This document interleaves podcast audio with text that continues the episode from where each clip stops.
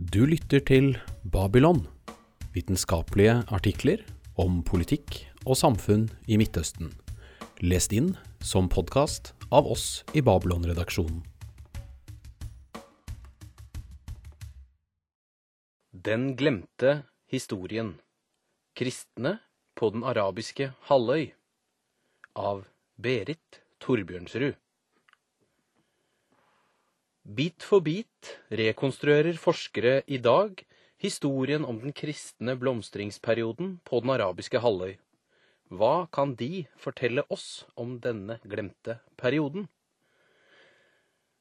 Å skrive kristendommens tidlige historie, fra det fjerde til det niende århundre, på den arabiske halvøy, har den amerikanske teologen Arthur Jeffrey sammenlignet med å veve sammen sitat, A great number of strands gathered from one source or another, never quite certain that some strands are really going to hold, and very conscious that there are great gaps where we have no strands at all to help fill out the picture. Sitat slutt.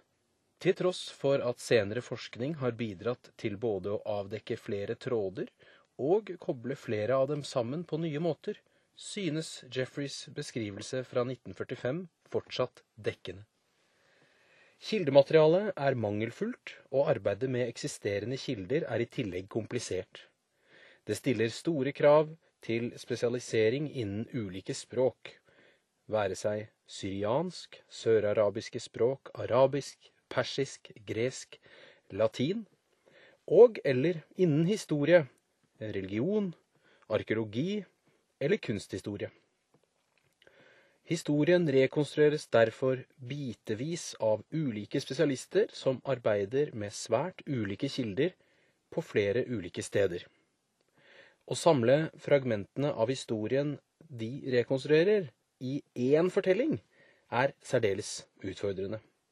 Dermed har hva man faktisk vet, eller hva man diskuterer om man vet, om denne tidlige historien før og etter islam, i stor grad forblitt ukjent utenfor spesialistenes sirkler.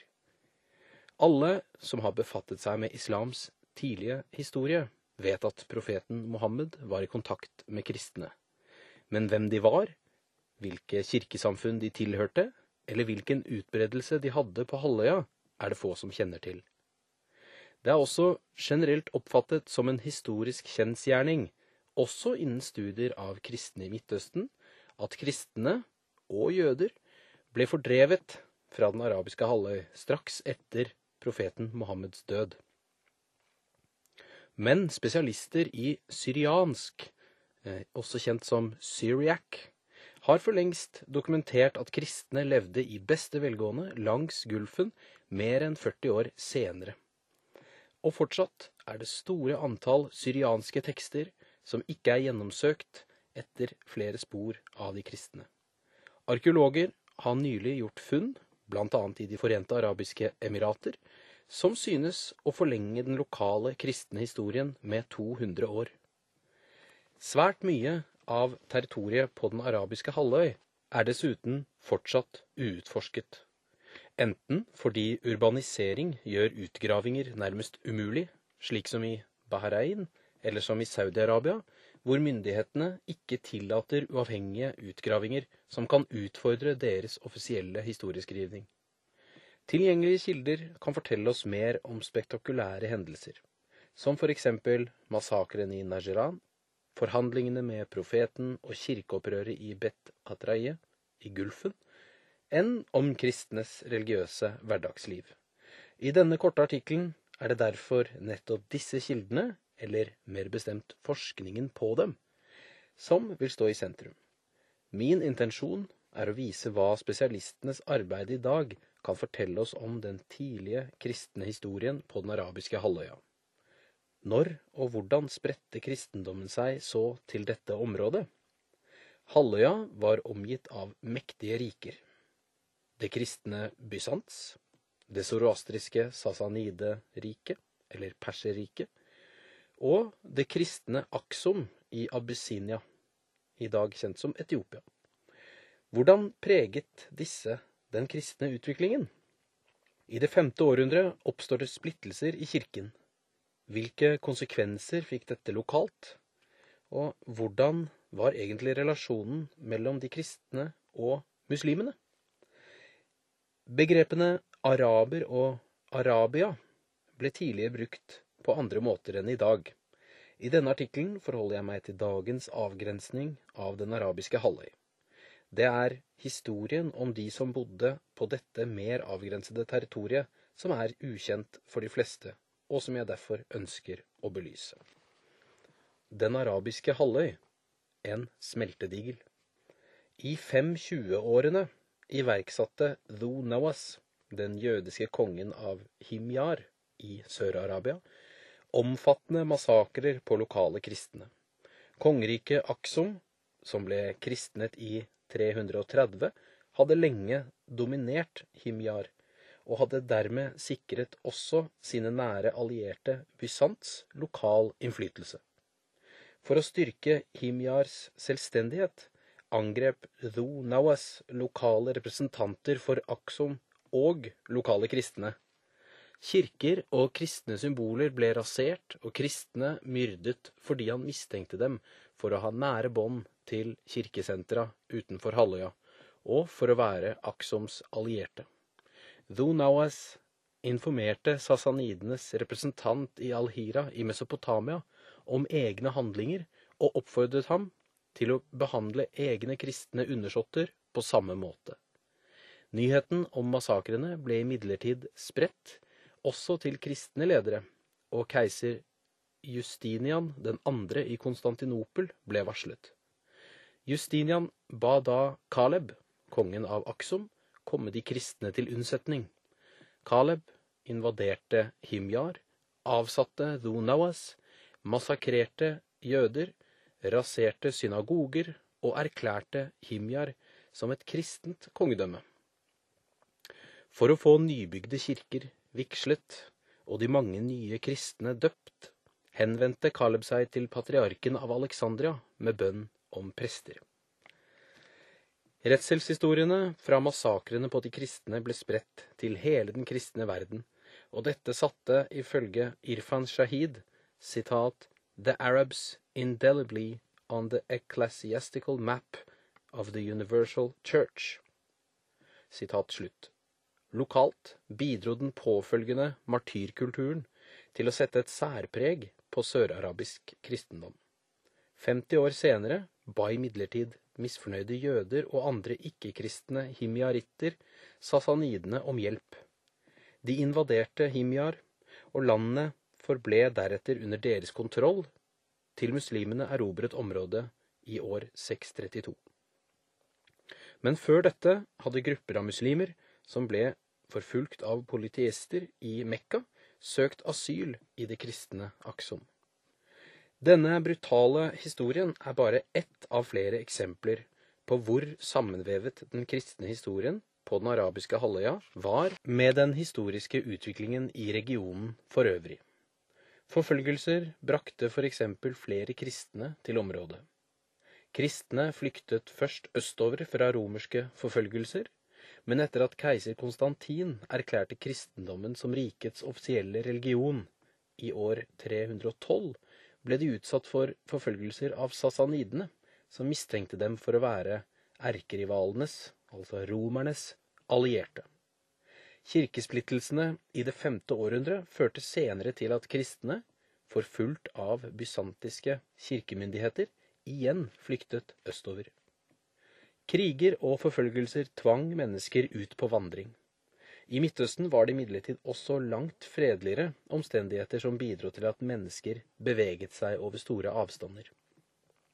Innbyggere på den arabiske halvøy deltok f.eks. i maritim handel med Øst-Afrika, India og Kina. Varer hentet fra fjerne strøk, f.eks. krydder, og egne varer, f.eks. perler, myrra, røkelse og kaffe, ble videresendt med karavaner til andre deler av Midtøsten. Med på vandringene fulgte kulturelle og religiøse ideer, og innbyggere på den arabiske halvøy ble slik integrert i en kontinuerlig utveksling av mennesker, varer og ideer. Dette bidro til at halvøya ble det Potts karakteriserer som en smeltedigel av etniske grupper, ulike språk, ulike religioner, lokale monoteistiske og polyteistiske trosformer, jødedom, zoroastrisme og kristendom, og ikke minst ulike livsformer og organisasjonsmønstre. Befolkningen var generelt organisert i stammer, som igjen kunne være samlet i store stammeføderasjoner med hierarkier som kunne utøve varierende grad av lokal selvstyre. Flere steder inngikk disse i lokale kongedømmer, slik som eksempel i Himjar. Gulfområdet, Oman og periodevis hele Sør-Arabia var i siste instans underlagt sassanidene, som hadde utstasjonert styrker lokalt. Lachmidene, en stamme med hovedsete lengre nord i Mesopotamia, fungerte imidlertid som sassanidenes vasaller i Gulfen og sørover. I Sør-Arabia hadde, som nevnt, Aksom og dermed Bysants stor innflytelse. I nord fungerte rassanidene som vasaller for Bysants. I sør, nord og øst var det altså flere ulike styringsnivåer. I Hijaz og i indre områder av den arabiske halvøy synes imidlertid stammene og eller stammeføderasjonene å ha vært langt mer selvstendige. Både lachmidene og rasanidene og en rekke andre stammer konverterte tilsynelatende samlet til kristendommen, slik de tilsynelatende samlet konverterte til islam i det sjuende århundre. I Sassanideriket var zoroastrismen offisiell religion, men de synes ikke å ha misjonert overfor minoritetsgrupper med annen tro. Til tross for lachmidenes spesielle funksjon ble heller ikke de sanksjonert da de konverterte til kristendommen. Bysants hadde en misjonerende politikk, men kunne likevel ikke forhindre at rasanidene valgte en annen kristen variant enn styresmaktene selv. Til tross for alliansen mellom Aksum og Bysants var de langt fra allierte når det gjaldt interne kristne stridigheter. Og selv om Bysants direkte og indirekte gjennom Aksom hadde innflytelse i Sør-Arabia, var det ikke deres kirke som ble dominerende. Fra kirke til kirker. Da keiser Konstantin etablerte kristendommen som imperiets offisielle religion, var dette, ifølge Tejiran og Simon, del av hans strategi for å samle imperiet som én politisk og religiøs enhet, med Konstantinopel som det dominerende sentrum. Dette arbeidet ble fortsatt av senere keisere, som kalte inn til kirkemøter, konsiler, for å styrke de kristnes fellesskap og enhet, og dermed indirekte deres egen kontroll. I stedet for enhet førte imidlertid dette arbeidet til det Tejiran og Simon beskriver som citat, codification of division rather than unity. Resultatet ble at de som seiret i den interne maktkampen, samlet seg om en gresk-romersk, ortodoks, normativ doktrine, og forkastet divergerende teologiske synspunkter som heresi. Særlig stridigheter om kristologien, hvordan man skulle forstå forholdet mellom Kristi guddommelige og menneskelige natur, førte til dype splittelser. Kirkesamfunn i store deler av Midtøsten brøt med kirken i Konstantinopel, eller ble ekskludert, og innledet prosessen med å formalisere og institusjonalisere selvstendige kirker, som for eksempel Østens kirke og den syriansk-ortodokse kirke. Konstantinopel iverksatte brutale forfølgelser for å gjenvinne kontroll, men forgjeves. I stedet bidro forfølgelsene til at de forfulgte kristne retningene spredte seg østover og sørover. På den arabiske halvøy eksisterte disse ofte parallelt, og iblant parallelt også med bysantiske kirker. I Bet Qatraye ved den persiske gulf var det Østens kirke som ble dominerende. I Sør-Arabia dominerte den kirkeretning som den syriansk-ortodokse kirke og kirken i Aksom tilhørte. Najran derimot utviklet seg til å bli et samlingssted for mange ulike kristne retninger. De kristne på den arabiske halvøy var med andre ord en heterogen gruppering. Til tross for splittelser og forfølgelser iverksatt av Konstantinopel, er det interessant å merke seg alliansen mellom Aksum og Konstantinopel, som religiøst sett representerte motpoler. Faktisk var det nettopp de kristologiske standpunkter Aksom omfavnet, som Konstantinopel forsøkte å eliminere. Like interessant er det å observere hvordan kristne kommunikasjonslinjer ble reaktivert da grusomheter rammet de kristne i Himjar i 523. Da ble interne stridigheter midlertidig lagt til side, og man samlet seg om å hjelpe andre kristne. I tillegg må man selvsagt anta at Aksom og Bysants ønsket å gjenvinne politisk og økonomisk kontroll over Sør-Arabia. Begynnelsen Akkurat når og hvordan kristendommen ble introdusert på den arabiske halvøy, er usikkert. Kildene som eksisterer, er fragmentariske, og det er komplisert å avgjøre hvilke som omfatter legender, og hvilke som omfatter mer konkrete historiske kjensgjerninger. Østens kirke oppfatter apostelen Thomas som sin grunnlegger, men hvorvidt han på sin vei til India valgte å reise gjennom Gulfen og misjonere der, er usikkert.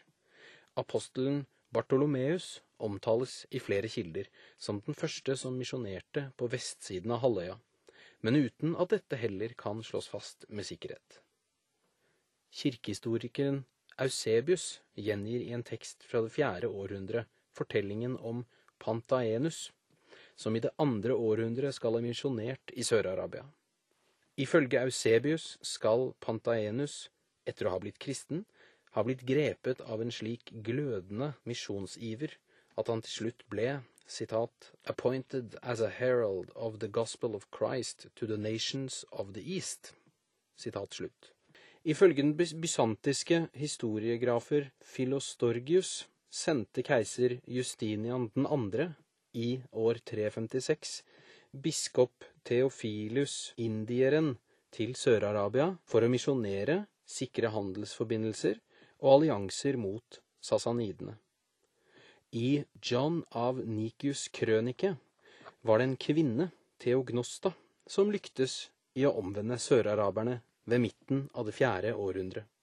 Men ifølge Østens kirke ble den viktige handelsbyen Najran kristnet av Hanan, eller Hayyan, en lokal kjøpmann, ved slutten av det fjerde århundret.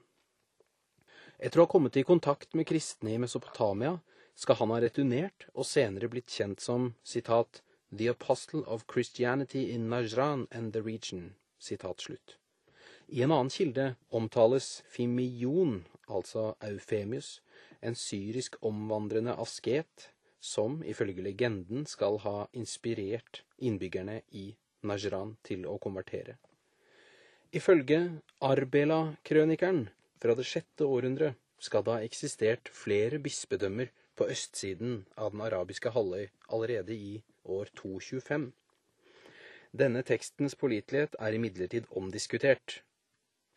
Vita Ionae fra midten av det fjerde århundre og Serts krønike fra det niende og tiende århundre betraktes imidlertid som mer historiske. Begge disse tekstene omhandler lokale klostre og munker som skal ha levd i det fjerde århundret. Tekstene bekreftes også av dokumentene fra Østens kirkes viktige kirkemøte i Seleukia Ktisfon i Mesopotamia i år 410. Her omtales allerede eksisterende bispedømmer i Gulfen. Dokumenter fra et kirkemøte i 424 omtaler dessuten et bispedømme i Bet Masonie, dagens Sohar i Oman. Kirkelige strukturer var med andre ord klart på plass før år 400. Til tross for kildeproblemene kan man altså fastslå at kristendommen hadde ankommet den arabiske halvøy, i hvert fall i løpet av det fjerde århundret, kanskje til og med tidligere. De eksisterende kildene indikerer videre at misjon og omvandrende asketer representerte viktige påvirkningskanaler. Likeledes skal klosteret i Innlandet, som fungerte som karavanserai, dvs. Si herberger for karavaner, hatt betydning. Kristendommen spredte seg også ved at kristne handelsfolk fra andre deler av Midtøsten slo seg ned i lokale handelssentra hvor de etablerte kirker til eget bruk. Videre bidro nomader og eller handelsfolk fra halvøya som hadde blitt omvendt etter møter med kristne i mer sentrale områder av Midtøsten. Kriger og forfølgelser bidro som nevnt også til at kristne ble spredt over nye områder. Det kristne Aksum hadde selvsagt også stor påvirkning på troslivet i Sør-Arabia, ikke minst gjennom kong Kaleb, som omdannet Himyar til et kristen kongerike etter stridighetene på 520-tallet. Kristendommen spredte seg over store deler av den arabiske halvøy, og på steder som Najran på vestsiden og Bet Qatraye på østsiden vokste det frem viktige kristne sentra. Hvorvidt kristendommen også grep om seg i handelssentra som Mekka og Medina, er omdiskutert. Ifølge Shahid levde en kristen gruppe abysinere i Mekka. Osman trekker dette i tvil og hevder Eventuelle kristne i Mekka var importerte slaver.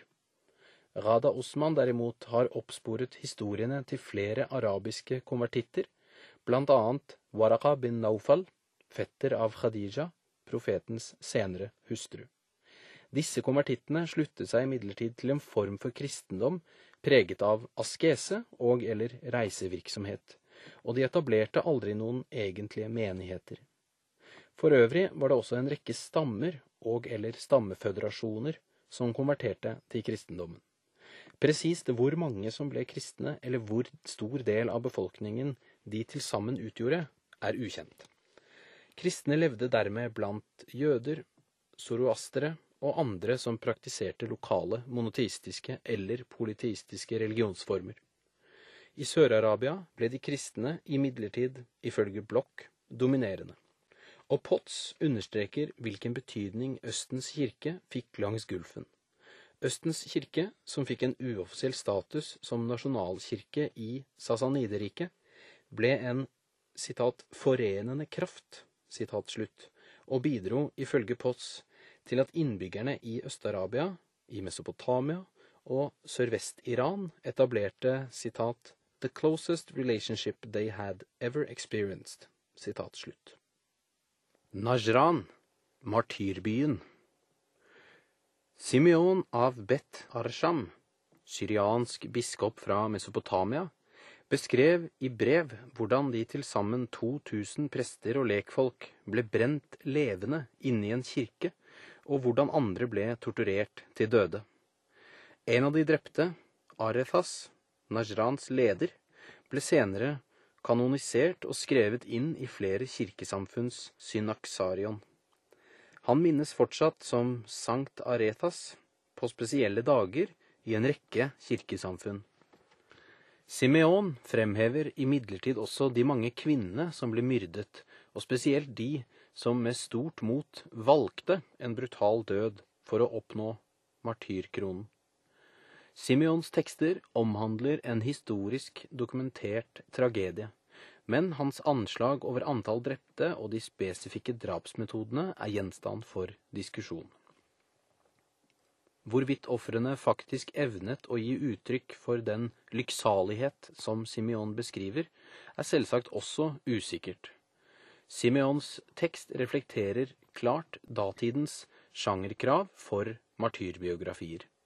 I tillegg representerer den et teologisk dokument som kan leses som en innføring i syriansk kristendoms forståelse av kropp, sakramenter og frelse gjennom martyrdøden. Kristne ble massakrert i flere byer, og dette er bakgrunnen for at Sør-Arabia ble kjent som citat, 'a country of martyrs', men massakren i Najran oppnådde likevel en spesiell posisjon, som førte til at Najran fikk status som citat, 'The Holy City of the Arabs'. De overlevende bygde raskt et såkalt martyrion, dvs. Si en spesiell kirke bygd over martyrenes relikvier. Denne spesielle kirken, kalt Ka'abat Najran, ble senere beskrevet som citat, one of the wonderful buildings with which the Arabs could be credited, and which might be compared with those of the Persians. Najran ble Arabias mest populære kristne pilegrimsmål, og selv ikke-kristne forhindret fra å reise til Mekka, skal også, ifølge Trimmingham, ha besøkt Najran.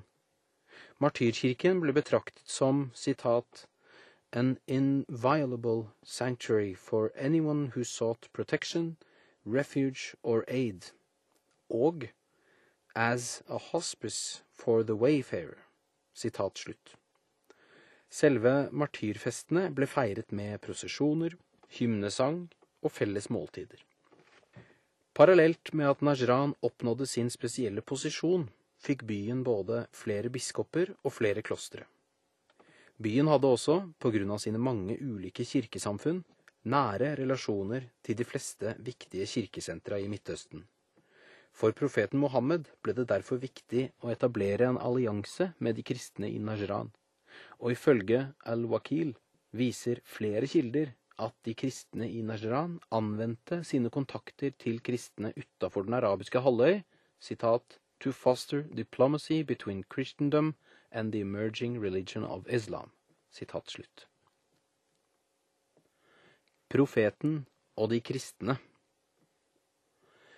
Profeten Mohammed var fortrolig med elementer av de kristnes tro og praksis, men hans vurderinger av dem varierer fra respekt og sympati til skarp kritikk.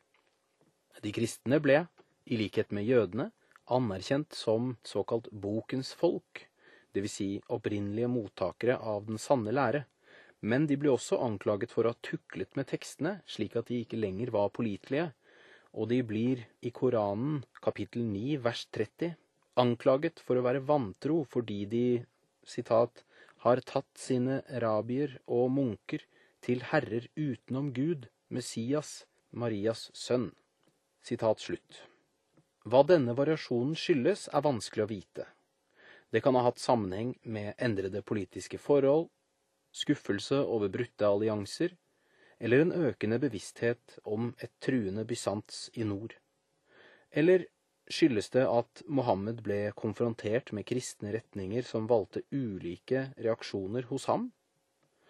Bloch hevder f.eks. For at forskjellen mellom de mer tolerante Mekkasurene og de senere mer kritiske Medinasurene kan forklares med profetens møter med kristne som tilhørte den såkalte triteismen, dvs. Si den retning som forsto treenigheten som bestående av tre adskilte guddommer, og som dermed kan fremstå som politisme.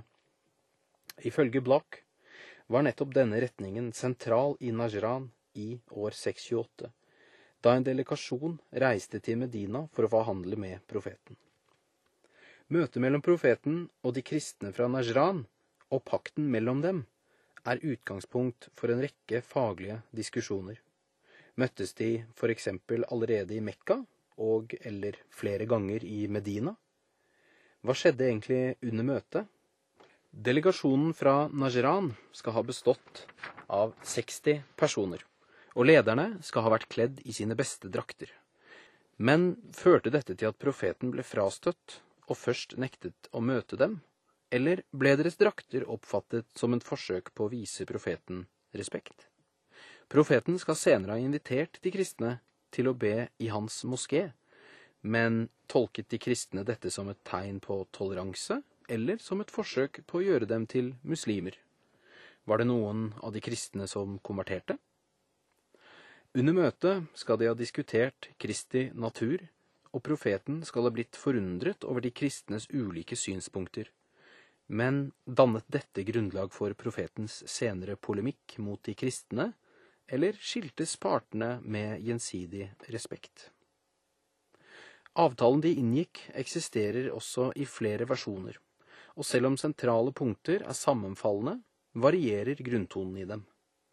Ifølge muslimske kilder opphevet profeten senere pakten, og i en sentral hadith skal han på slutten av sitt liv ha erklært at det skal ikke være mer enn én religion i arabernes land. Hvilket landområde dette omfatter, er imidlertid uklart.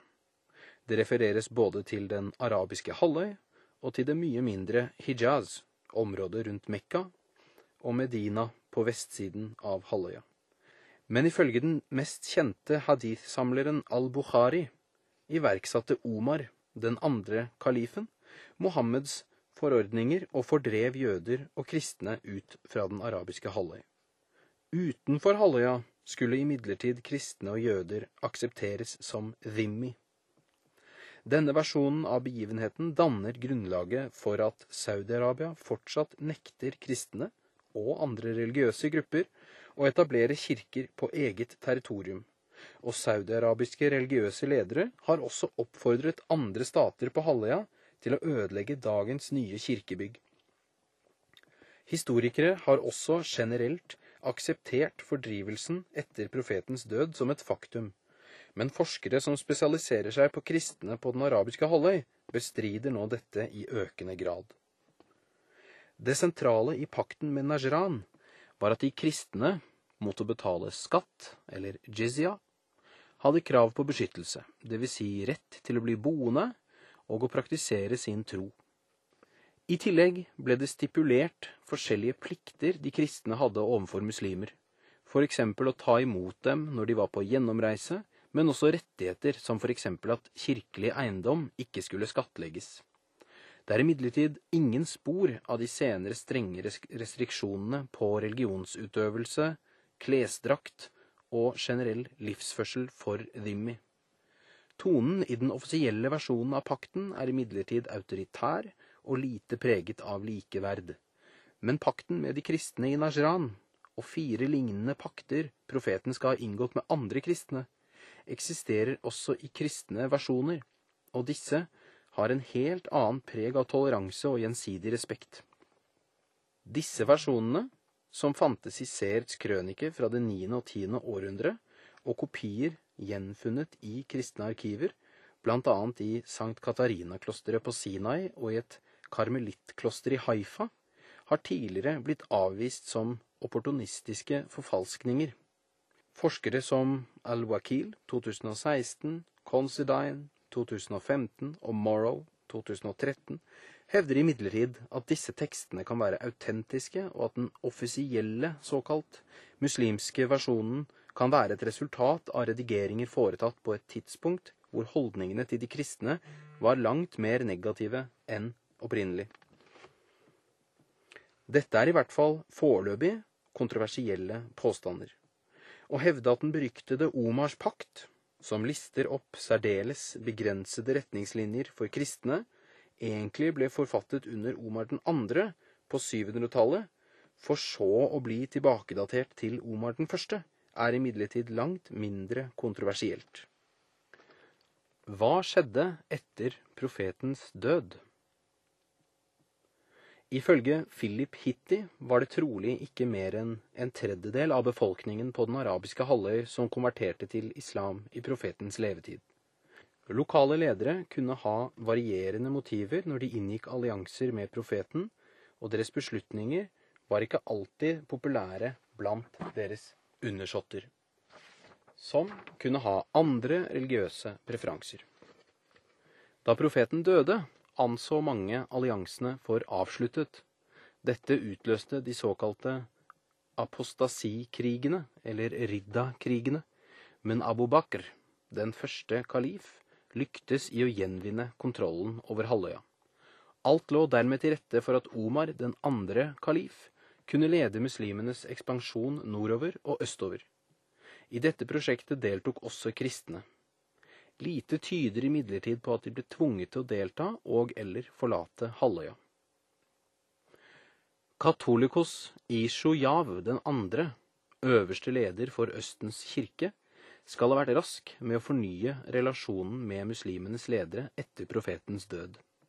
En biskop ble sendt for å møte Abu Bakr, den første kalif, og han skal ha inngått en ny avtale med kristne i Najran. Etter Abu Bakrs død skal Ishu Yav den andre selv ha møtt Omar den første, den andre kalif. Intet tyder på at de, eller senere kalifer, ga han beskjed om at hans troende måtte forlate halvøya. Mange kristne i Oman og Sør-Arabia konverterte imidlertid raskt til islam. I en tekst gir da også den neste kirkelederen, Ishojav den tredje, tydelig uttrykk for indignasjon over dette. Han forkaster blankt deres egne påstander om at de hadde blitt utsatt for tvang, og anklager dem i stedet for å ha gjort dette for pengenes skyld. Og for Ishojav var nettopp det at omanerne konverterte for pengenes skyld, og ikke for citat, 'deeply held religious beliefs', ifølge Loosely, 'the cruelest blow'. I en annen sammenligning gir han egne opprørske biskoper skylden for at omanerne forlot kirken. I et brev i 647 priser Ishojav den tredje muslimene. Sitat These Arabs, to whom God has for the time being given the empire of the world, are also, as you know, very close to us. And not just because they do not attack the Christian religion, but they praise our faith, honor the priests and the saints of the Lord, and ward benefits to the churches and monasteries. Sitat slutt. Tilsynelatende ubekymret omtaler altså Ishojav den tredje muslimenes makt som midlertidig. Dette kan selvsagt forstås i lys av at han tidligere hadde levd som medlem av en minoritet i Sasanideriket, og at det så langt ikke var noen merkbar forskjell. Som jeg vil komme tilbake til, var Ishojav langt mer bekymret for et lokalt opprør mot sin egen autoritet, en konflikt som ikke løses før på et kirkemøte i Bet Khatraye i år 676, dvs. Si 30 år etter Omars død. Fra Najran reiste kristne og jøder og etablerte seg i Syria eller Mesopotamia. Spørsmålet er imidlertid om de valgte å reise, eventuelt for å komme nærmere Det hellige land, eller om de ble tvunget til å reise, eventuelt som straff for apostasi eller for å ha krevd renter på utlån. Mange blir imidlertid igjen i Najran og omegn. Ifølge Trimmingham ble deres pakt med profeten citat, 'confirmed by succeeding caliphs', citat slutt, og citat, Omar's measure that no Christians were to remain in the peninsula was certainly not applied to them, since it is known that they were Christians in Najran for at least 200 years. Sitat. I det niende århundre refereres det fortsatt til prester og eller biskoper i Najran. De siste referansene stammer fra det trettiende århundre, men det er da usikkert hvorvidt kildene omtaler faktiske personer. Også i Gulfen har man kilder som viser til fortsatt kristen eksistens, i hvert fall frem til det niende århundre. De siste referanser finner man fra det tolvte århundre i form av bønner skrevet for prestene i Bet Katraye, Men hvorvidt dette dreier seg om bønner for et reelt kristent fellesskap, er, ifølge Lusley, et åpent spørsmål. Tekstmaterialet fra Bet Hadraye gir imidlertid et interessant innblikk i den kristne utviklingen i det sjuende århundret. Fortsettelsen av den kristne historien. Bet Khatraye rommet flere bispedømmer og der fantes aktive kirker og klostre. I det sjuende århundre ble det produsert avanserte teknologiske tekster som indikerer at man også må ha hatt skoler i stand til å utdanne citat, 'local people to an extremely high level'. Citat slutt. Skoler som, ifølge Broch, kan sammenlignes med den berømte skolen i Nisibis. Ifølge Lucely indikerer dette at det var et sterkt kristent fellesskap med gode klosterskoler i Bet Khatreie, som på dette tidspunktet fortsatt syntes uberørt av islamsk ekspansjon. Den mest berømte blant forfatterne fra det sjuende århundre er Isak av Ninive. Han anses som en av de viktigste forfatterne i hele den syrianske tradisjonen, dvs. Si i Østens kirke og i den syriansk-ortodokse kirke, og hans arbeider har også hatt betydelig innflytelse i den østlig-ortodokse kirke.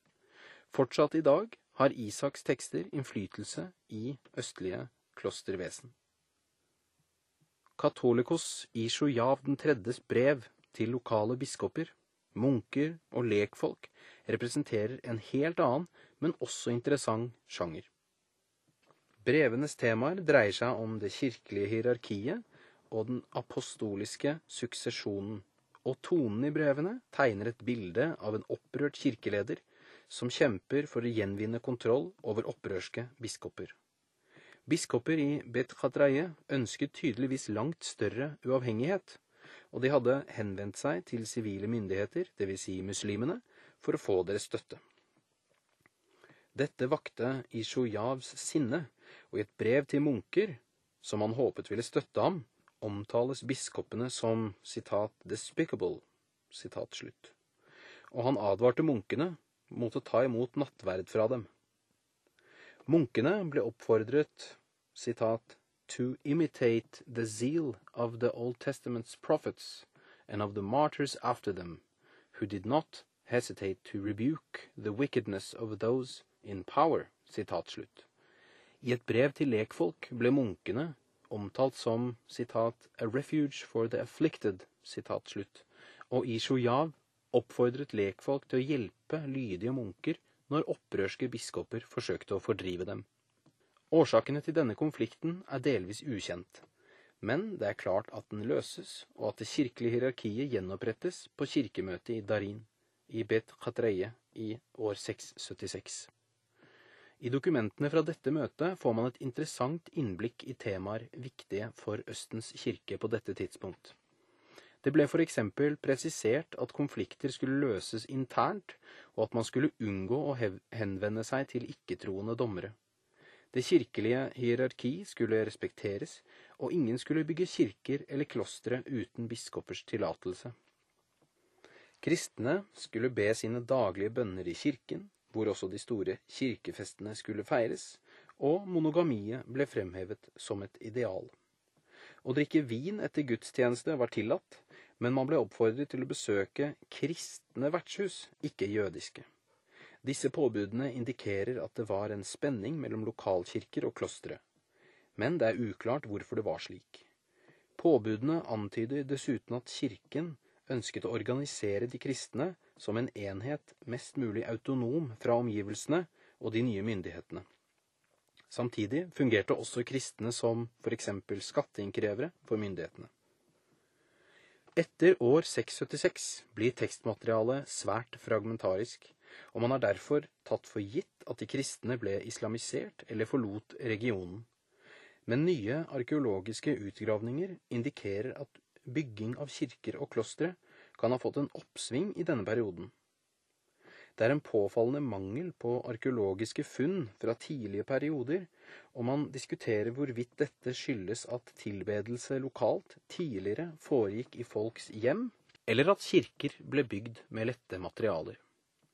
En annen mulighet er selvsagt at de tidligere bygninger fortsatt ligger skjult i sanden. Ingenting tyder på at de kirker og klostre man har funnet, har blitt rasert.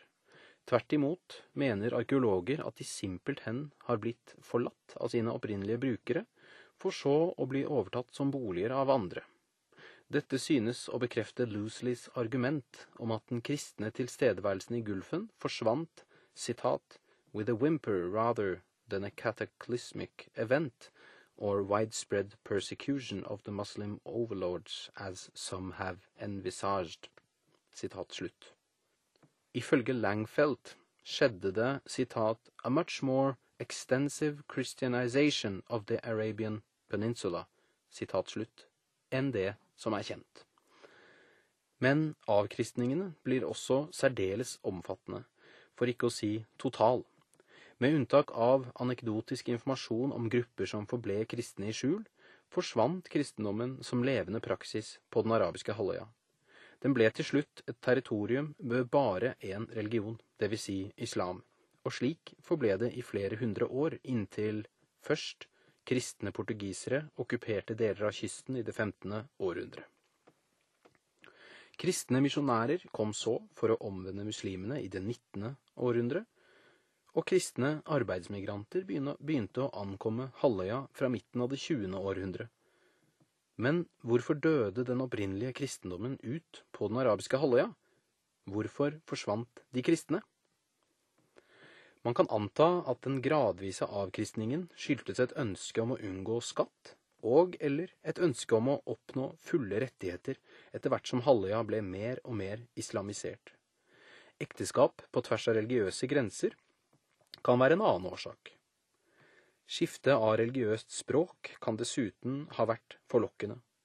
Muslimene anvendte arabisk, folks hverdagsspråk, mens flertallet av de kristne anvendte syriansk som liturgisk språk. Kanskje ble de kristne bare færre og færre med det lokale kirkelige forfall som pleier å følge slike prosesser. Oppsmuldringen av egne fellesskap parallelt med et økende sosialt press fra omgivelsene kan til slutt ha blitt avgjørende, men i mangel av solide kilder er det ennå ingen som kan gi tilfredsstillende svar. Hva vi imidlertid vet, er at mens Østens kirke under Abbaside-dynastiet gikk inn i en voldsom ekspansjonsperiode, med forgreninger helt til Kina, forsvinner den altså fra sitt eget nærområde på den arabiske halvøya. Fortsatt i sin barndom. Ifølge Timothy Insall er arkeologiske studier av den kristne historien i Gulfen fortsatt citat, 'in its infancy'.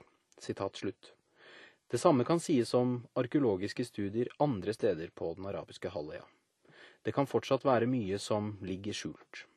Og hvis særlig Saudi-Arabia, som kontrollerer størstedelen av territoriet, ville tillate uavhengige studier og eller publisering av funn som strider mot egen historieskriving, ville man trolig kunne belyse den kristne historien bedre. Videre tekststudier innrettet mot å finne flere spor av de kristne ville sannsynligvis også kunne bidra med ny og viktig kunnskap. Så langt må vi imidlertid nøye oss med fragmenter av en historie som faktisk strekker seg over flere hundre år. Men om denne historien fortsatt er fragmentarisk, bidrar den i aller høyeste grad til ny innsikt, både om kristen historie spesielt, og om Midtøstens historie generelt. Du hørte Den glemte historien Kristne på den arabiske halvøy av Berit Torbjørnsrud. Hvis du vil høre mer fra Babylon, så kan det være lurt å trykke på abonner. Da blir du varslet så fort en ny podkastepisode blir tilgjengelig. Det er også flere måter å få tak i den trykkede utgaven av Babylon, der du vil kunne finne relevante illustrasjoner og fotnoter som har blitt utelatt i lydsporet. Utgaven fås kjøpt i de fleste Narvesen-butikker, eller du kan bli abonnent via nettsida vår på tidsskriftet babylon.no. Da får du tidsskriftet rett hjem i postkassa. I tillegg er alle våre artikler tilgjengelig helt gratis som PDF på nettet. Takk for nå. Vi høres igjen snart.